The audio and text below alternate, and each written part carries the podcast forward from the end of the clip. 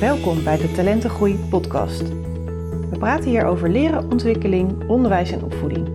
Mijn naam is Karen Dijkstra en in deze podcast ga ik in gesprek met auteurs, coaches en andere experts die anders denken en doen als kinderen leerproblemen hebben op school. En hierbij kijken naar kwaliteiten en talenten in plaats van tekorten. Positief en praktisch.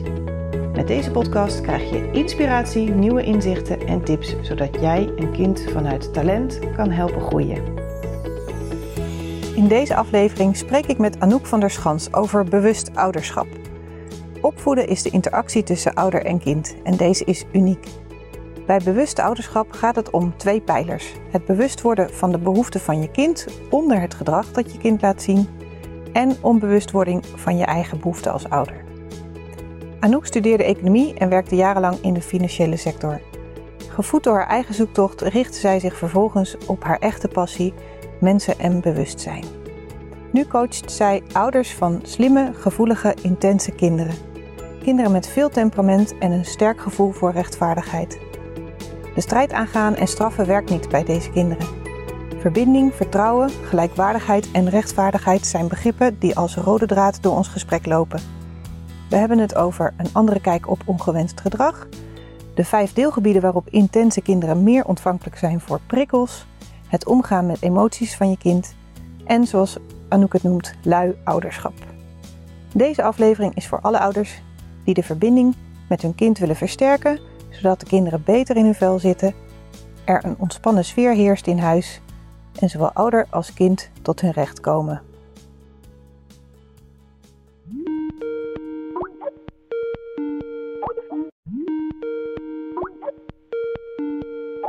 Welkom uh, Anouk. Heel leuk dat jij te gast wilt zijn in de Talentengroei podcast. Dankjewel. Zou jij uh, jezelf kort willen voorstellen? Dus wie ben je en uh, wat doe je? Ik ben Anouk van de Schans en ik heb een eigen coachpraktijk voor bewust ouderschap. En wat versta ik onder bewust ouderschap? Eigenlijk twee pijlers. Namelijk enerzijds bewust worden van de behoeften van je kind onder het gedrag. Uh, omdat we vaak geneigd zijn om naar het gedrag te kijken, maar er altijd iets onder ligt. En anderzijds bewust worden van uh, wat er in jezelf geraakt wordt in de interactie met je kind. En uh, hè, hoe we oude pijn of verwachtingen, verlangens, angsten eigenlijk vaak op ons kind projecteren. En daar dus bewust van worden ja, wat er in jezelf getriggerd wordt vaak. Hè. Die kinderen weten altijd zo mooi op die pijnpunten te drukken. Mhm. Dus, uh, en dat dan niet bij het kind neerleggen, maar daarmee ja, naar binnen kijken eigenlijk. Van hé, hey, wat gebeurt er nou? Ja, dat is eigenlijk wat ik doe, waar ik ouders in help. Mm En ik richt me daarbij eigenlijk met name op ouders van kinderen, zoals ik ze noem, intense kinderen. En dat zijn gevoelige, slimme, temperamentvolle kinderen omdat eigenlijk, ja, zeker bij die kinderen. Kijk, voor alle kinderen is het fijn als ouders bewust, bewust zijn. Mhm. Maar zeker bij die kinderen kom je er eigenlijk gewoon niet mee weg om. Uh, ja, nog via een autoritaire opvoedstijl van je moet dit doen omdat ik het zeg, ja. ze op te voeden. Mhm. Dus ja, zeker die kinderen zijn mooie spiegels voor ouders. Ja, en hoe ben jij daar achter gekomen? Heb jij een pedagogische of psychologische achtergrond? Of. Nee, niet. Ik heb um, eerst economie gestudeerd. Mm -hmm. En uh, toen dacht ik op den duur, wat ben ik hier eigenlijk in godsnaam aan het doen? Dus mijn, ik was echt op zoek naar zingeving. Toen ben ik wel naar de psychotherapiekant gegaan. Mm -hmm. psychodynamische therapie, coaching, systemisch, NLP, van alles gedaan. En ook wel een beetje vanuit ja, de zoektocht nog naar mezelf. Van ja, wie ben ik nou? En nou ja, ik was eigenlijk nou vroeger ook wel zo'n intens kind, zeg maar. Dus um, en toen realiseerde ik me wel van, jeetje, weet je, als we onze kinderen anders opvoeden dan uh, ja, hoeven die niet op hun dertigste eigenlijk uh, op zoek naar wie ze zijn en waar ze goed in zijn en al die, die invalshoeken. Ja.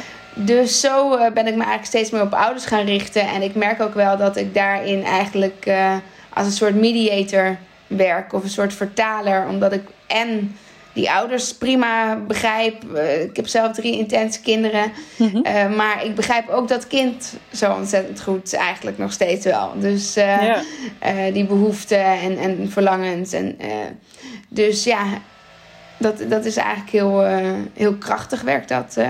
Ja. ja, en had jij als kind dat jouw behoeften Ehm, nou ja, niet werden gezien of beantwoord. Hoe noem je dat?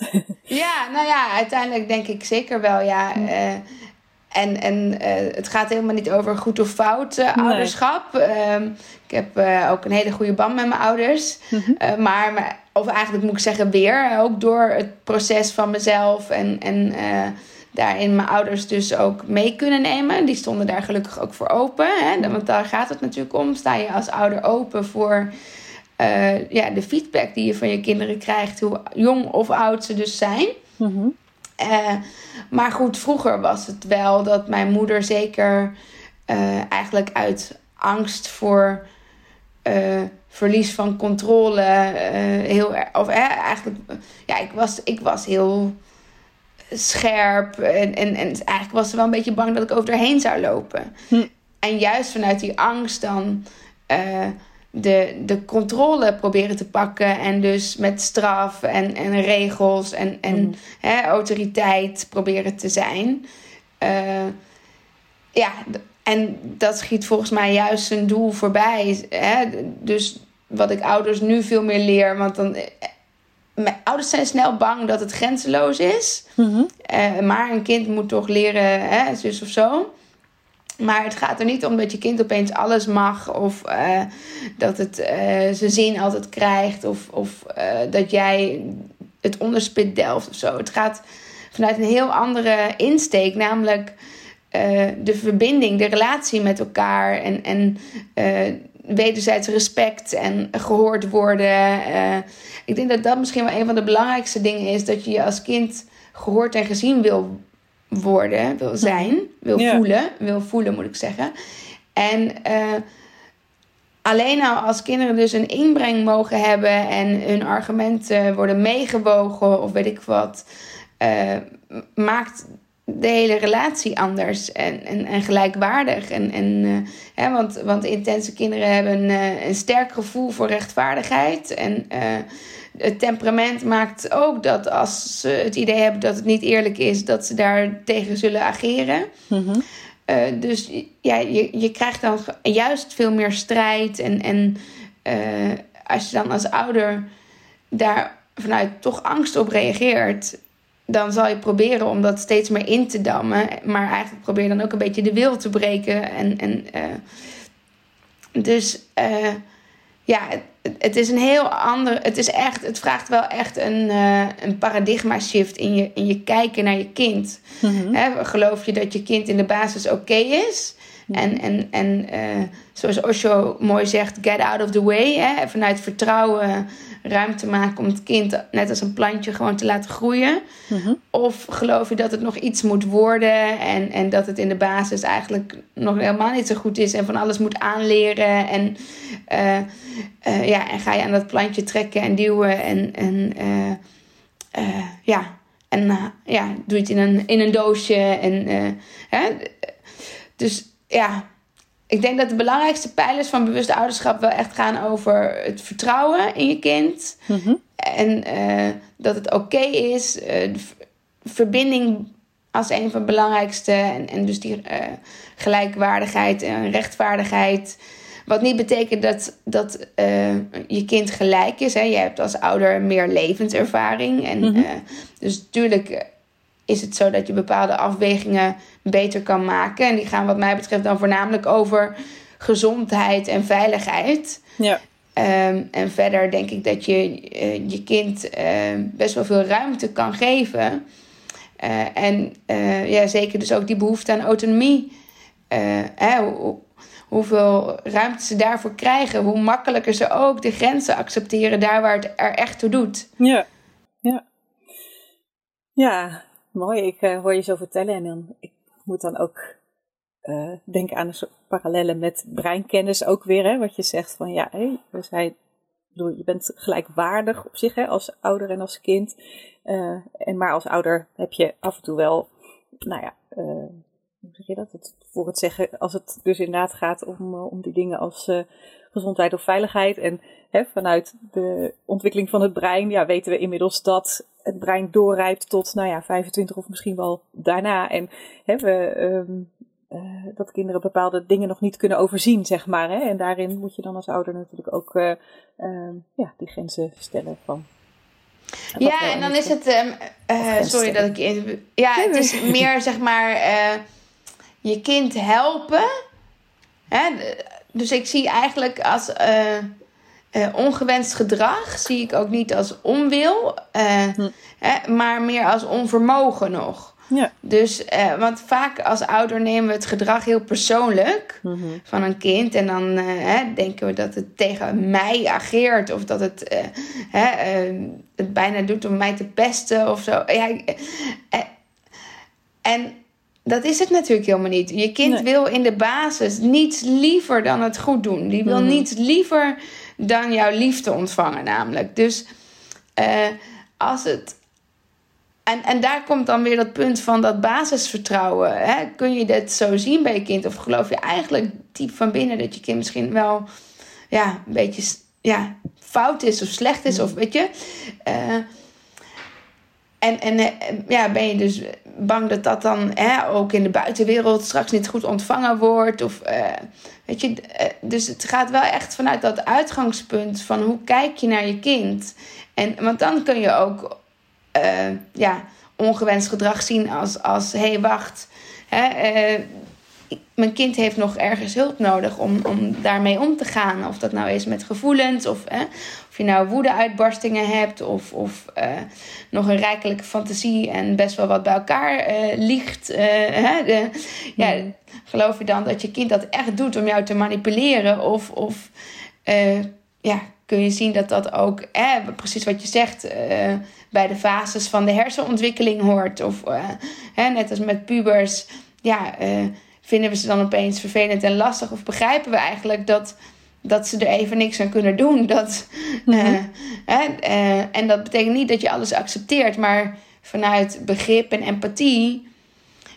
handel je anders en zullen zij ook anders reageren op jou dan wanneer ze toch de imprinting krijgen dat er iets niet goed is. Mm ja. want the way we talk to our kids becomes their inner voice. ik, mhm. ik, vind het zo'n mooie quote, omdat dat is wel. Hè, eerst horen ze het van ons en later wordt het geïnternaliseerd. Ja. En kijk maar naar jezelf ook. De mhm. stemmetjes die je nog hebt, ja, daarmee ben je niet geboren. Nee, nee die zijn allemaal een keer uh, ja. ingekomen. En nou ja, daar kun je als ouder dus heel veel uh, ja, invloed op hebben daarin. Ja. Ja, ja en jij zegt uh, daarin ook van nou, bewust ouderschap is niet voor iedereen, want er is namelijk lef voor nodig om uh, ja, dat zo te doen. Kun je dat eens uitleggen? Ja, ja zeker. Dat, dat geloof ik wel. Want het vraagt uh, van je om, om kwetsbaar te durven zijn.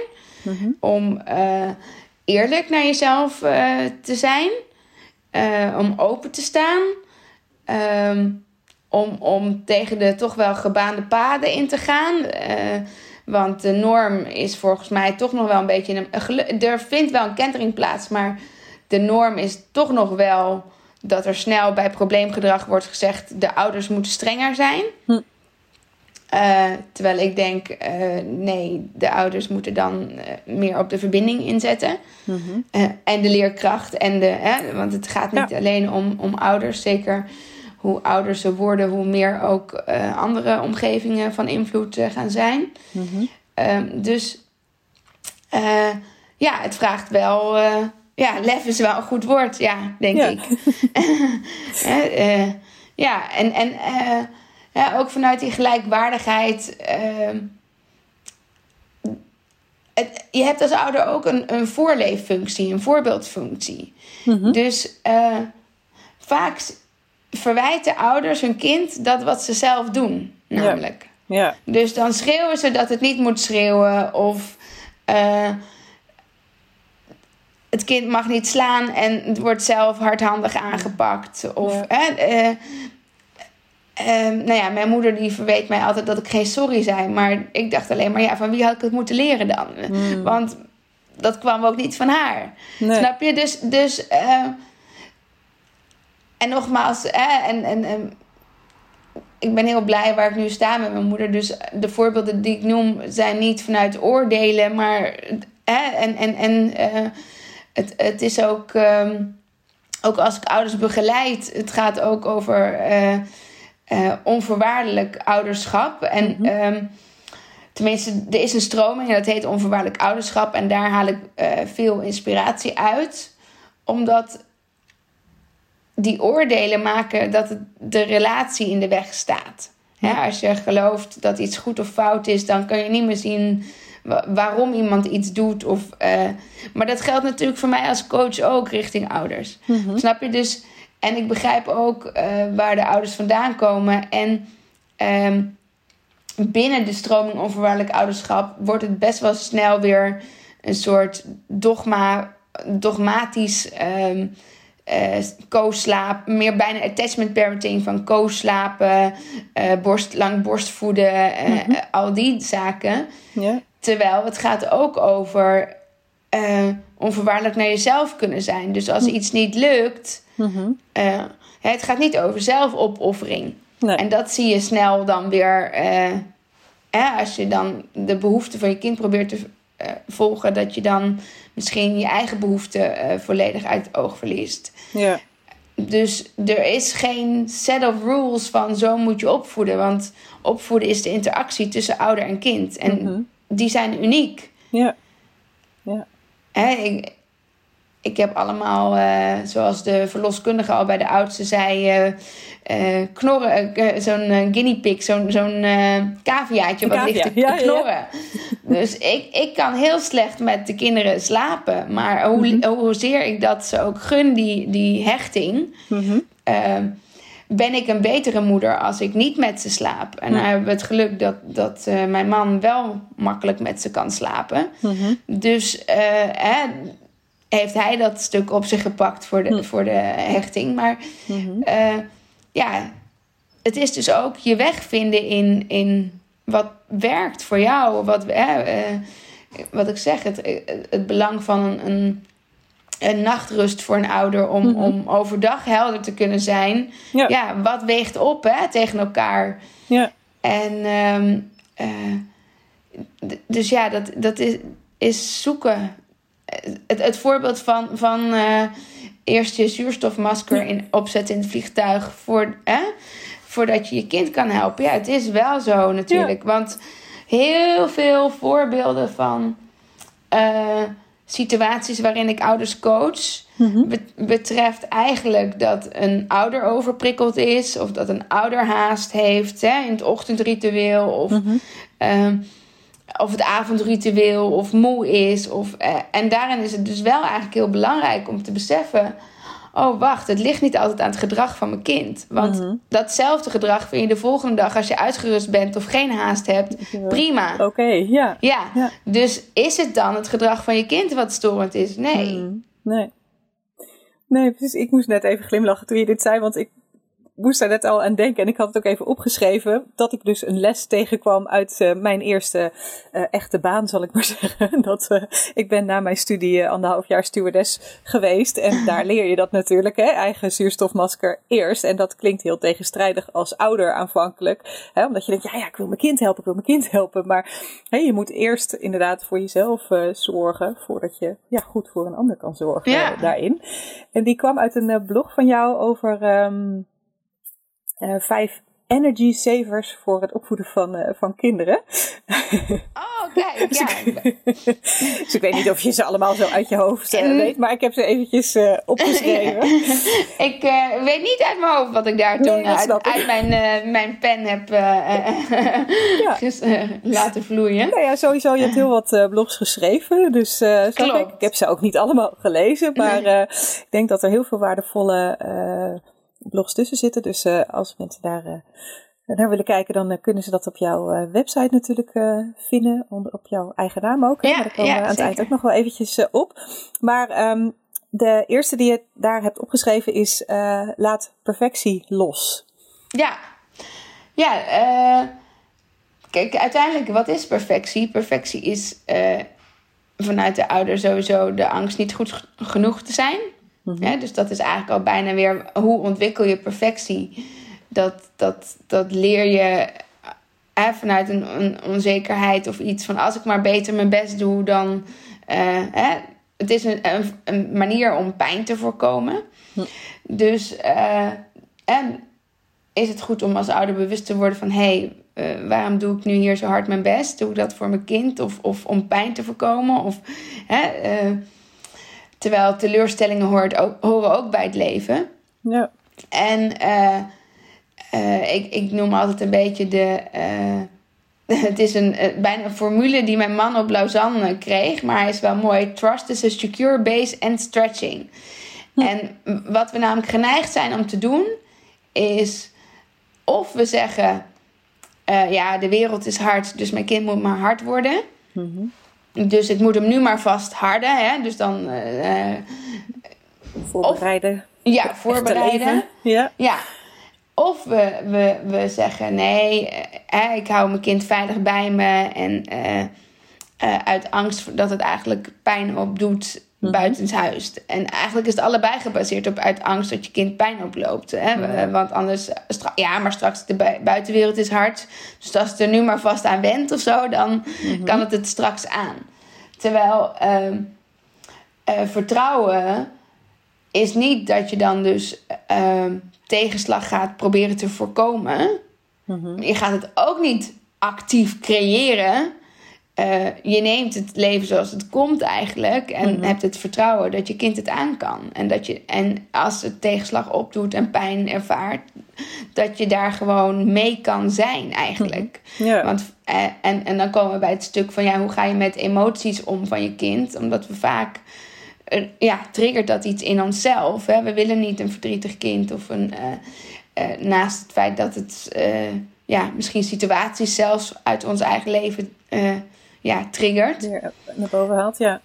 Dus dan zijn we geneigd om, om eigenlijk dat of te proberen op te lossen of weg te poetsen. Of, hè, of we worden hard en we zeggen stel je niet aan. Of, of, terwijl ja, als we eigenlijk gewoon kunnen zijn ermee. En vanuit een basisvertrouwen dat uh, het, het aan kan. Mhm. Dan zie je ook dat een emotie is eigenlijk een soort golf. Dus die komt op. En vaak dan op het hoogste punt gaan we het vastzetten doordat we het gaan ontkennen of uh, wegpoetsen of uh, afleiden of troosten of weet ik wat. Mhm. Maar laten we hem helemaal doorbewegen eigenlijk, dan neemt hij daarna ook weer af en dan blijft het niet in het systeem vastzitten. Ja. Is dat ook wat je bedoelt met, uh, dat was namelijk het tweede punt wat je had uh, geschreven, uh, leun achterover? Zo van, nou, ga niet meteen daarop in of bedoelde je daar wat anders mee? Nou, ja, eigenlijk... eigenlijk ben ik soms wel een beetje voor lui ouderschap, ja. Hm. Dat je kind kan meer dan je denkt. Oh, en, ja. Ehm, dus het, ook dat is wel een, een, een vorm van vertrouwen dat je Um, Niet alles voor ze doet? Of? Ja, nou kijk, uiteindelijk, um, dat leun achterover, ik weet niet in welke setting ik hem uh, toegeschreven heb hoor, maar uh, vanuit perfectionisme kunnen we wel overal bovenop zitten. Hè? Mhm. En, en, en uh, de, de term die nu natuurlijk vaak gebruikt wordt, is dat curling parent en dan alle ongemakken uit de baan wegpoetsen. Ja uiteindelijk je kind leert het meest van, van veerkracht ontwikkelen. Dus mm dan kom ik weer op, op het weghalen van die tegenslagen. Ehm, dus het betekent niet dat je, dat je je kind aan zijn lot overlaat, maar wel een, een, een, een basisvertrouwen hebt. En ja, dat woord zeg ik heel vaak, maar het is wel echt zo belangrijk mhm. om bewust te worden hoeveel we eigenlijk vanuit angst doen. Uh, dus het. Uh, maar het kan ook gaan over uh, je kind die zelf naar de hockey wil fietsen of weet ik veel wat. Hè? Mm -hmm. Je kan ze overal heen rijden en het is, ja, het, het is kijken. Het is uiteraard ook, hè, waar we het eerder over hadden, kijken wat je kind aan kan op het gebied van, van veiligheid. Mm -hmm. maar ze hebben een hele sterke behoefte aan autonomie. Mm -hmm. Dus ja.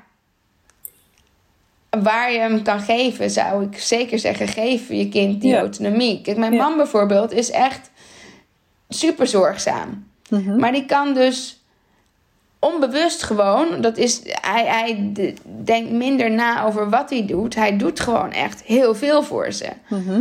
Maar, uh, en dat laten ze zich ook heerlijk aanleunen. En het is ook fijn om je kind te vertroetelen. Mhm.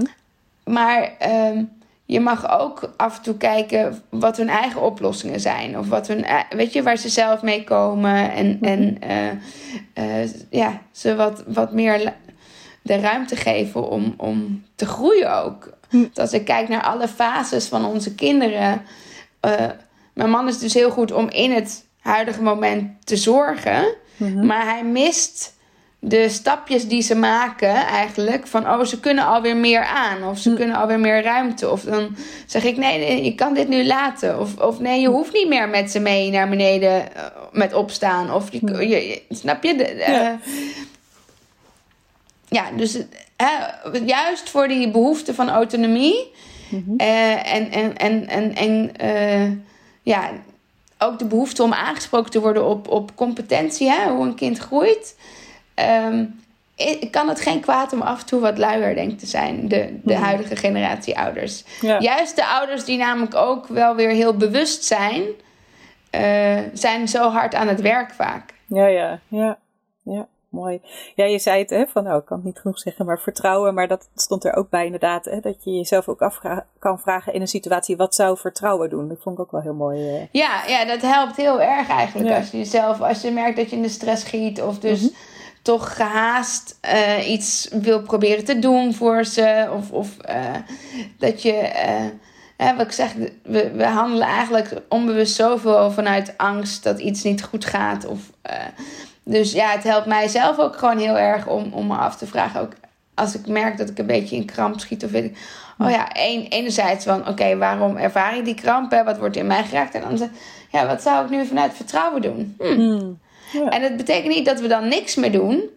Alleen de spanning gaat er wel vanaf.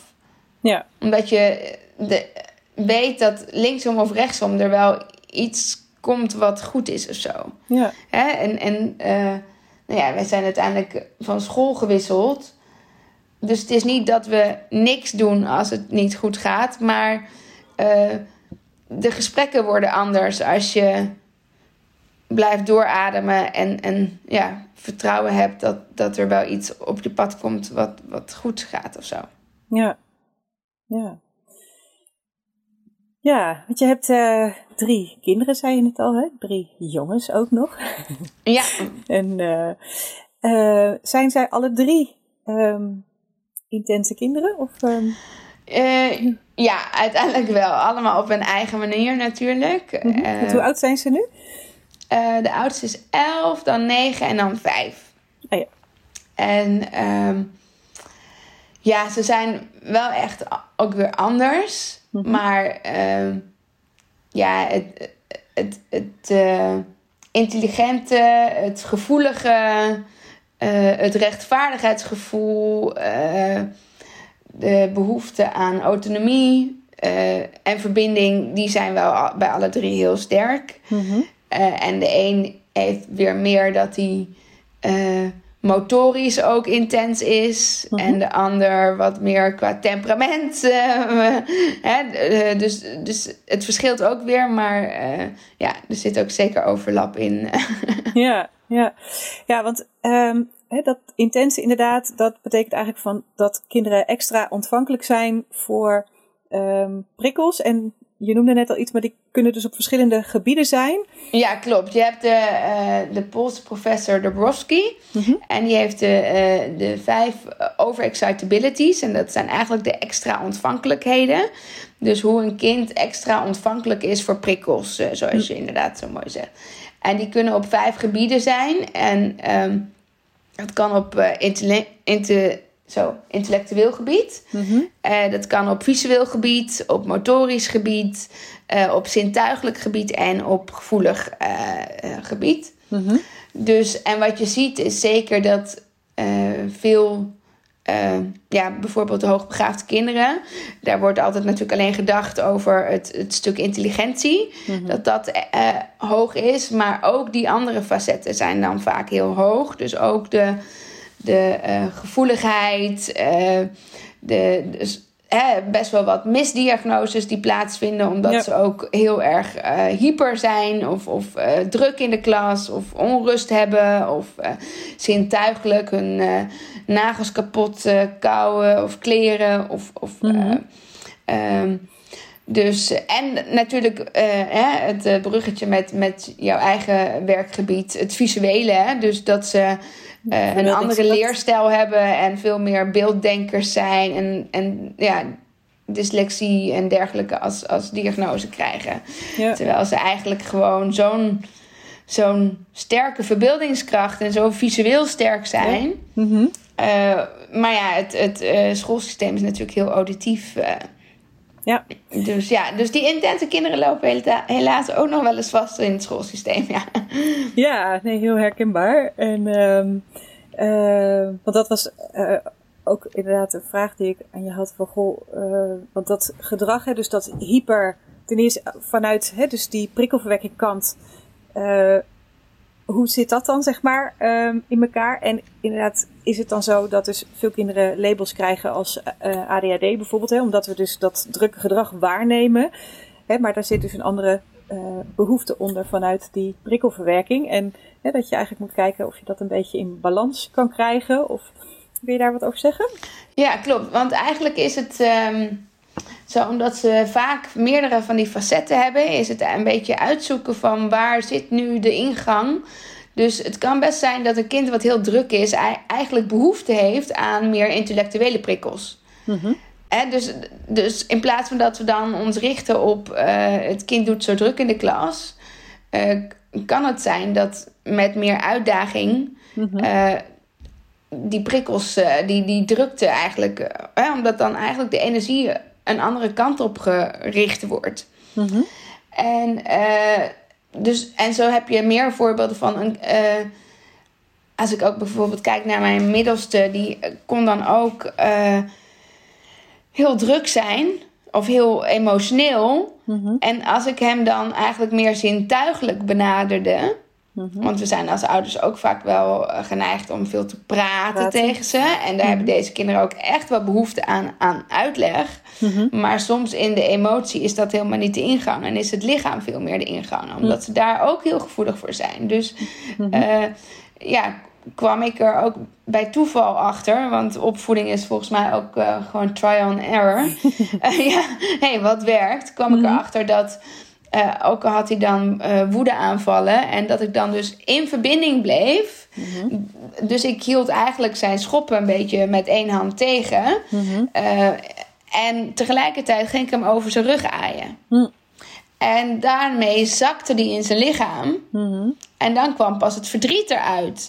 Wat er eigenlijk onder die boosheid lag. Ja. He, want onder boosheid ligt eigenlijk altijd iets anders. Er ligt of teleurstelling, frustratie, verdriet, moeheid, honger. Mhm. Eh, het is eigenlijk een, een, een afreageermechanisme. Om, om, het is, uh, binnen sommige therapieën heet het ook de valse macht. Omdat je even toch het gevoel hebt dat je niet machteloos bent mhm. uh, in dat verdriet. Maar, dus dan is de ingang zintuigelijk. Mm Dus als je kijkt naar die vijf facetten, dan is het als op een van die facetten een kind overprikkeld is of onderprikkeld, ja. uh, is het interessant om te kijken wat dan een van de andere uh, ontvankelijkheden kan doen om dat meer in balans te krijgen. Hm. dus een kind wat heel erg in zijn hoofd zit, daarvoor kan het juist weer werken om te gaan sporten. Mm-hmm. Uh, dus even juist het lichamelijke, daar de energie in, in ja, te ontladen eigenlijk. Eh. Ja. ja, en hoe, uh, kijk, jij bent er al langer mee bezig en je hebt er veel over, uh, nou ja, gelezen, cursussen gedaan, et cetera. Hoe kunnen ouders hier dan mee omgaan, zeg maar, als ze dit herkennen? Van, oh, dan ten eerste natuurlijk de bewustwording dat het op die vijf vlakken kan spelen. En ja, je zei al trial and error, maar is dan van, oh ja, dat ze alles langs moeten lopen? Hoe heb je daar een, misschien een, ja, een tip voor of een advies? Nou ja, kijk, uiteindelijk. Uh, je kan mij natuurlijk inhuren. nee, Uiteraard. om mee te kijken en, en uh, ideeën op te doen over mhm. waar het hem in kan zitten. en tegelijkertijd leer je als ouder dan ook kijken naar je kind van hé, hey, welke behoeften zitten onder dat, onder dat gedrag. Mm ja, uiteindelijk is het toch echt. De ingang is kijken naar je kind. Met, een, met een open mind. Mhm. Dus als je denkt van ik weet wel hoe het zit. Ik sprak gisteravond ook nog een ouder en die zei: Jeetje, ik dacht dat mijn kind ADHD had. En nu mhm. blijkt het hoogbegaafd te zijn. Ja, dus dan, dan richt je je zo op de prikkels, op, op, op die drukke energie, die bewegelijke energie. Ja. Uh, dat je eigenlijk gemist hebt uh, de intellectuele uitdaging die het nodig heeft, bijvoorbeeld. Hè? Of, of uh, ja, en hetzelfde als met, met het, het. Het is toch vaak school en thuis, weet je, um, die combinatie. Dus dan op school dat ze zich aanpassen en dat thuis de, de emoties eruit komen. Mhm. ja, en, en nou ja, ook qua, qua leerstijl school is eigenlijk steeds auditiever geworden, hè? het onderwijs steeds taliger. Mhm. Terwijl de leerstijl van de kinderen steeds visueler geworden. Ja. Door de iPads en dergelijke. Ja. Dus uh, ja, ook dat is een ingang. En, en, en is lastig natuurlijk omdat we niet willen dat ze de hele dag op een, op een iPad zitten. Maar uh, ja, uh, dat zijn wel ingangen voor een kind om, om beter in zijn veld te komen. Ja. Ja, en ook hè, dus die verbeeldingskracht uh, aanspreken en gebruiken daarin. En uh, als je inderdaad gewoon even nou ja, de, de, rust en de tijd neemt om daarin, of ja, natuurlijk naar een kind te luisteren, maar ook mee te gaan in uh, hè, wat hij of zij dan zegt. Dan hè, bij mij ook ouders die zeggen van, ik wist helemaal niet dat dat allemaal zo in zijn hoofd speelde of zo. Hè? En, ja. en ze weten daar zelf vaak, ja... Um, heel mooi uiting aan te geven. Ofwel door te vertellen, ofwel door te tekenen bijvoorbeeld. En hè, als je inderdaad daar, daarin ook open kan staan van... joh, wat, maar wat gebeurt er dan en hoe doe je dat dan? En, um, en hoe zou je het ook kunnen uh, of oplossen of verbeteren daarin. Hè? En dan komen ze ook uh, met de meest mooie oplossingen. Hè? En dat, is wel mooi dat je dat zegt inderdaad. Want de kinderen weten vaak soms best wel goed uh, wat ze nodig hebben. Ja. Ja, en soms wordt dat vertaald, merk ik in het onderwijs met name, van dat ze dus dan voor een kind uh, gaan uh, zitten. Oh, help. nou, mijn disk space is vol, zegt hij. Daar was ik dus al bang voor. Maar goed, dan uh, gaan we hem gewoon uh, op de telefoon ding doen waarschijnlijk. Of combi. Ik kan hier even niks aan doen. Um, dus we gaan nu weer verder.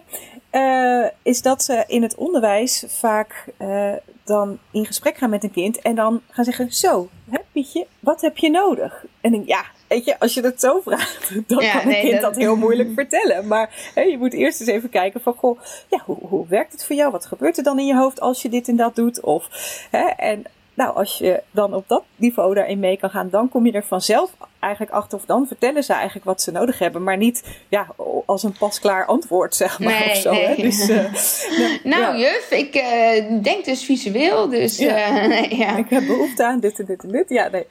Maar, en het is natuurlijk met een goede bedoeling. En ook hè, die, met, nou ja, is dan opgepikt van, oh ja, kinderen kunnen dat prima zelf vertellen. Maar ja, dan moet je ook weer natuurlijk naar het kind kijken van ja, hoe krijgen we dat dan boven water, zeg maar. Hè, waar zij, ja, en sta je er ook voor open, hè? Want uiteindelijk. Uh, uh, nou ja, mijn middelste die zei dan ook: ik raak zo afgeleid en ik wil met, met mijn gezicht naar de muur. Nou, die twee plekjes waren al bezet.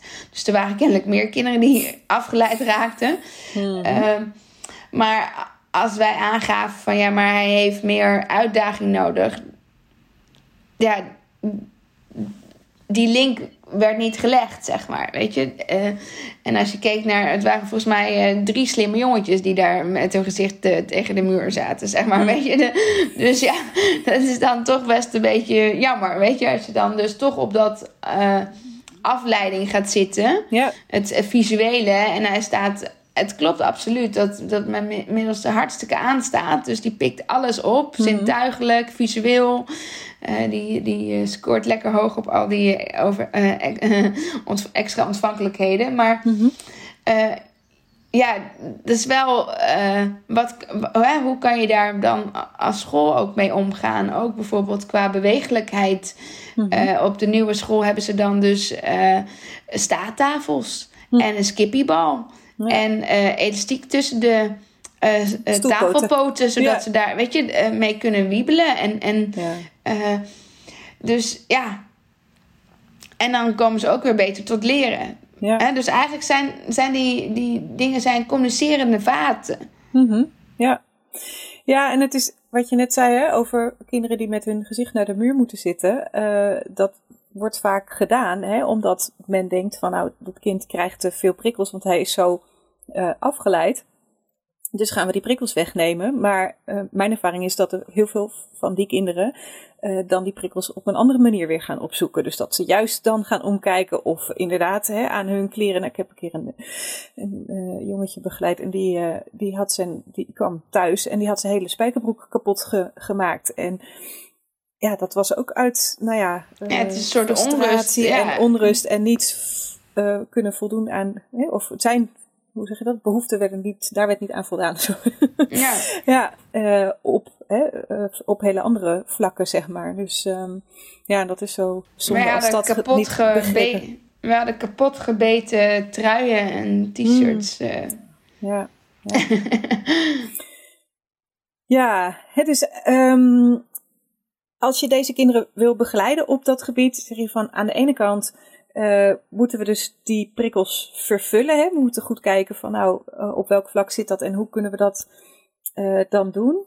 en aan de andere kant moeten de kinderen ook leren eigenlijk hoe ze met die prikkels om kunnen gaan, zeg maar. Hè? Ja, zoals ik eigenlijk altijd over mezelf al zei. Ik heb een dunne bandbreedte waarbinnen ik dan oké okay ben. Want te weinig hm. prikkel is niet goed en te veel prikkel. Snap je? Mm hè, tussen stuiteren, een zeg maar de uh, het zijn ook.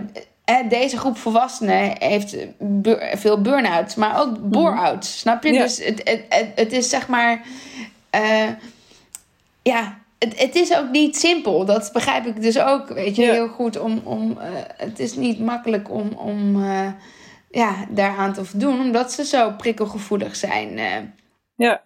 ja, en misschien is het ook de ene keer natuurlijk de, hè, het ene element en de andere keer het andere wat meer uh, naar boven komt dan. Hè? Dus dat het ook niet altijd is van, oh nou, nu weet ik hoe het werkt en nou kan ik dat altijd toepassen. Het blijft gewoon een ongoing process, ja. denk ik, om daarnaar te blijven kijken. En ja, ook als ouder uh, inderdaad jezelf uh, ja, daar ook weer elke keer in te ontwikkelen of ja, een beetje buiten schaven of oh nou heb ik weer dit uh, ontdekt. Ja, of, nou. lifelong learning uh, uiteindelijk. Ja. En het is, ja, ik bedoel, als je nu kijkt, deze generatie kinderen krijgt ook al zoveel meer prikkels tot zich ja. dan uh, dat wij natuurlijk vroeger kregen. Dus mm hè, heel simpel gezegd is, is de balans sowieso als tegenhanger uh, de natuur, het lichaam.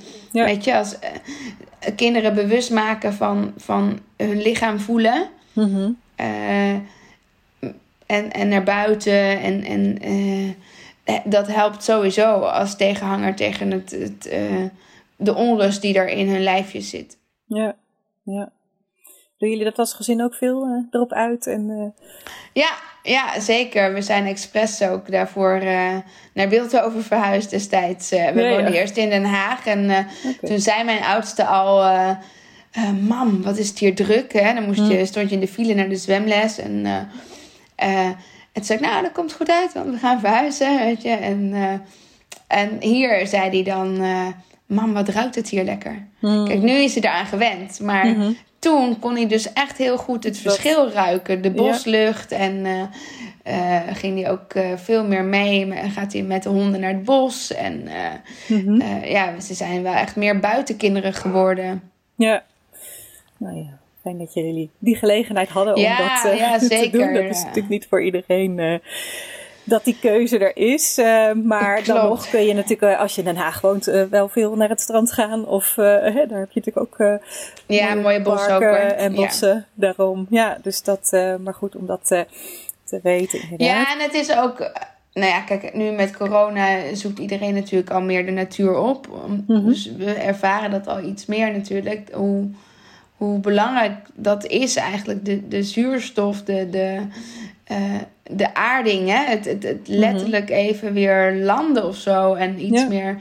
Uh, en dan nog is het grappig om als je buiten loopt bewust te worden hoeveel je nog steeds in je hoofd zit. Mhm. Hoe aanwezig ben je eigenlijk hè?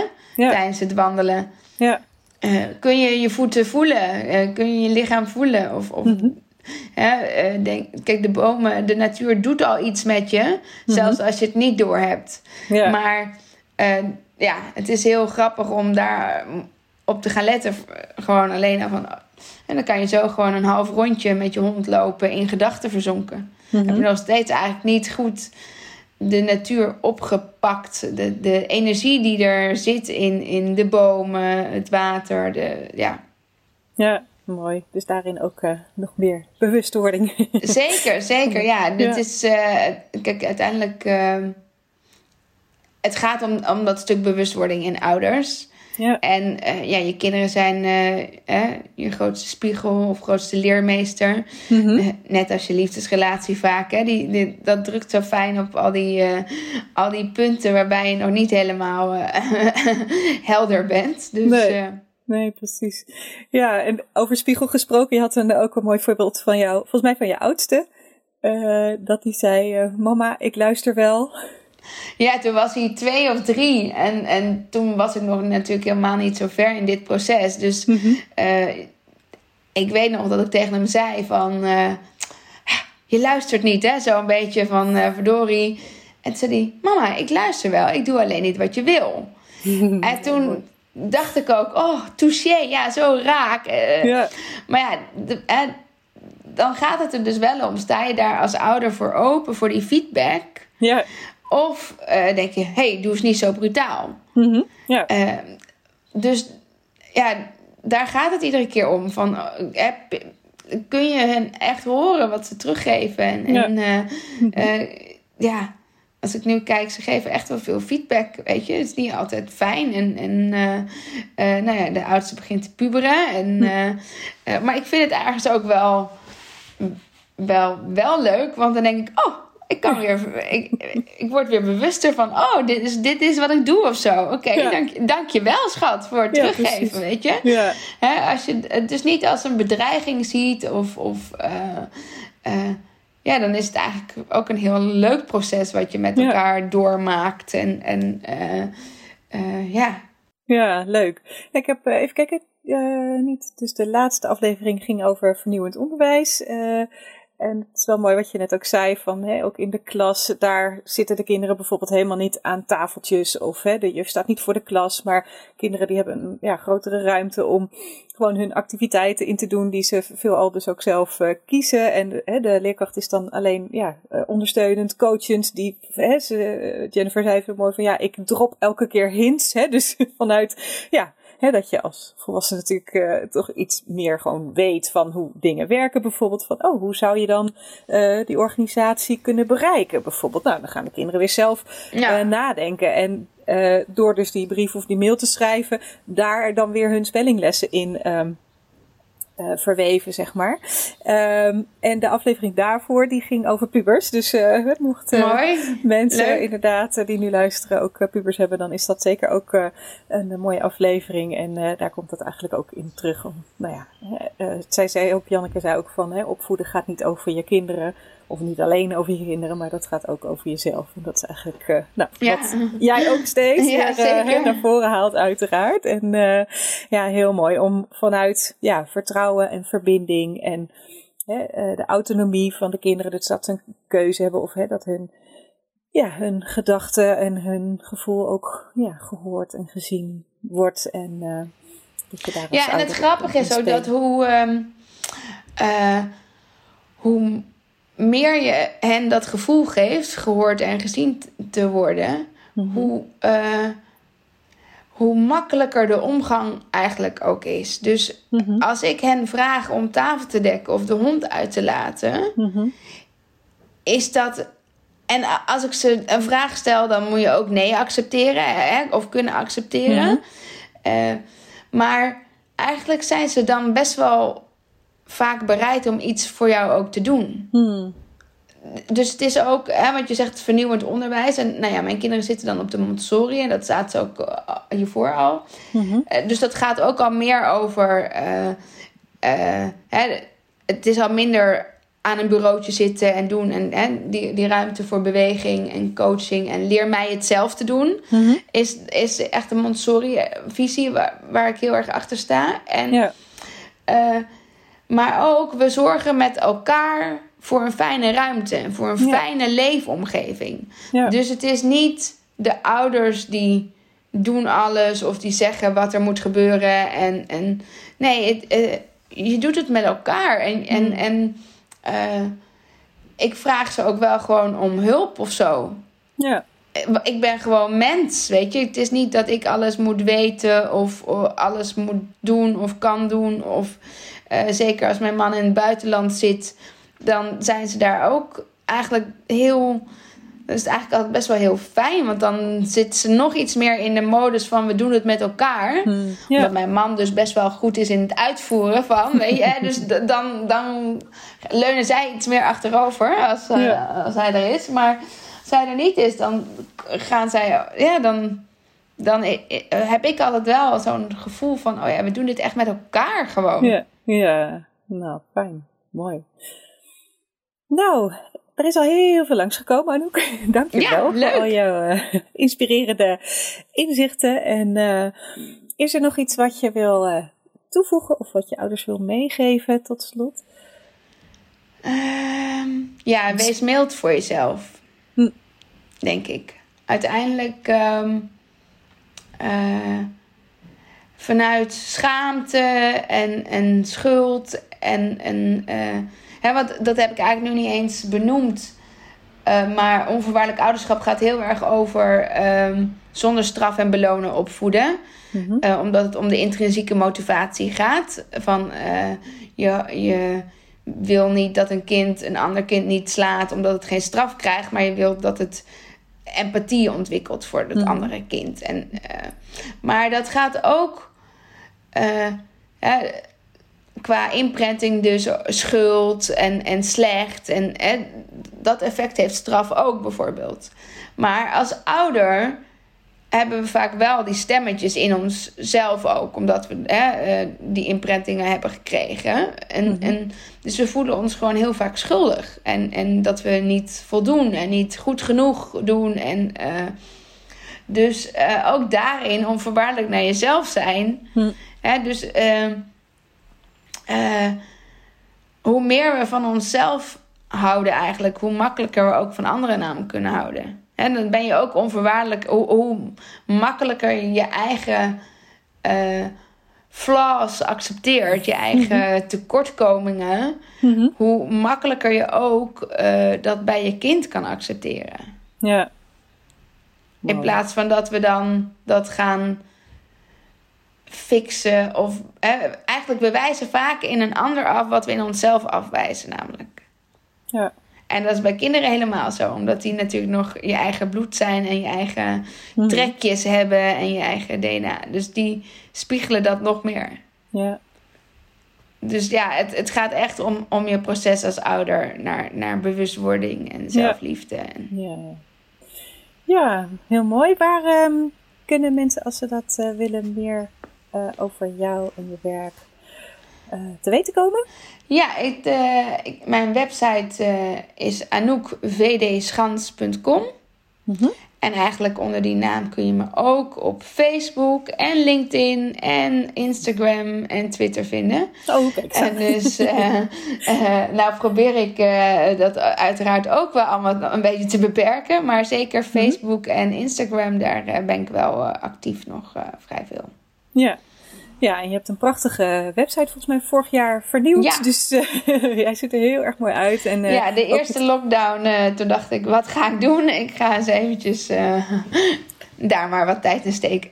Ja, heel mooi. En volgens mij zag ik ook staan dat uh, ouders zich kunnen inschrijven voor een uh, online cursus, klopt dat? Klopt, ja. Ik heb een gratis uh, online tiendaagse. ja. Ja, en, en daar kunnen ze gewoon aanmelden en dan krijgen ze iedere dag een, een les om meer bewust te worden. Nou, super, mooi. Ja. Dus, uh, nou, ik zou zeggen, maak daar ook gebruik van als je deze podcastaflevering interessant vond en meer wil weten over bewust ouderschap. Ja, en ik ben ook altijd beschikbaar voor gratis kennismakingsgesprekken en intakes. En, nou, ik ja. vind, ik, uh, ik, dit is meer mijn passie dan mijn werk. Dus, uh... nou, mooie kan je het niet hebben, toch? ja. nou, dat was ook uh, goed te horen in, deze, in dit mooie gesprek. Dus ja, dank je wel dank daarvoor. Je wel. En um, nou, hopelijk mag je heel veel ouders op weg helpen naar meer bewust ouder zijn. Dankjewel. Jij ook.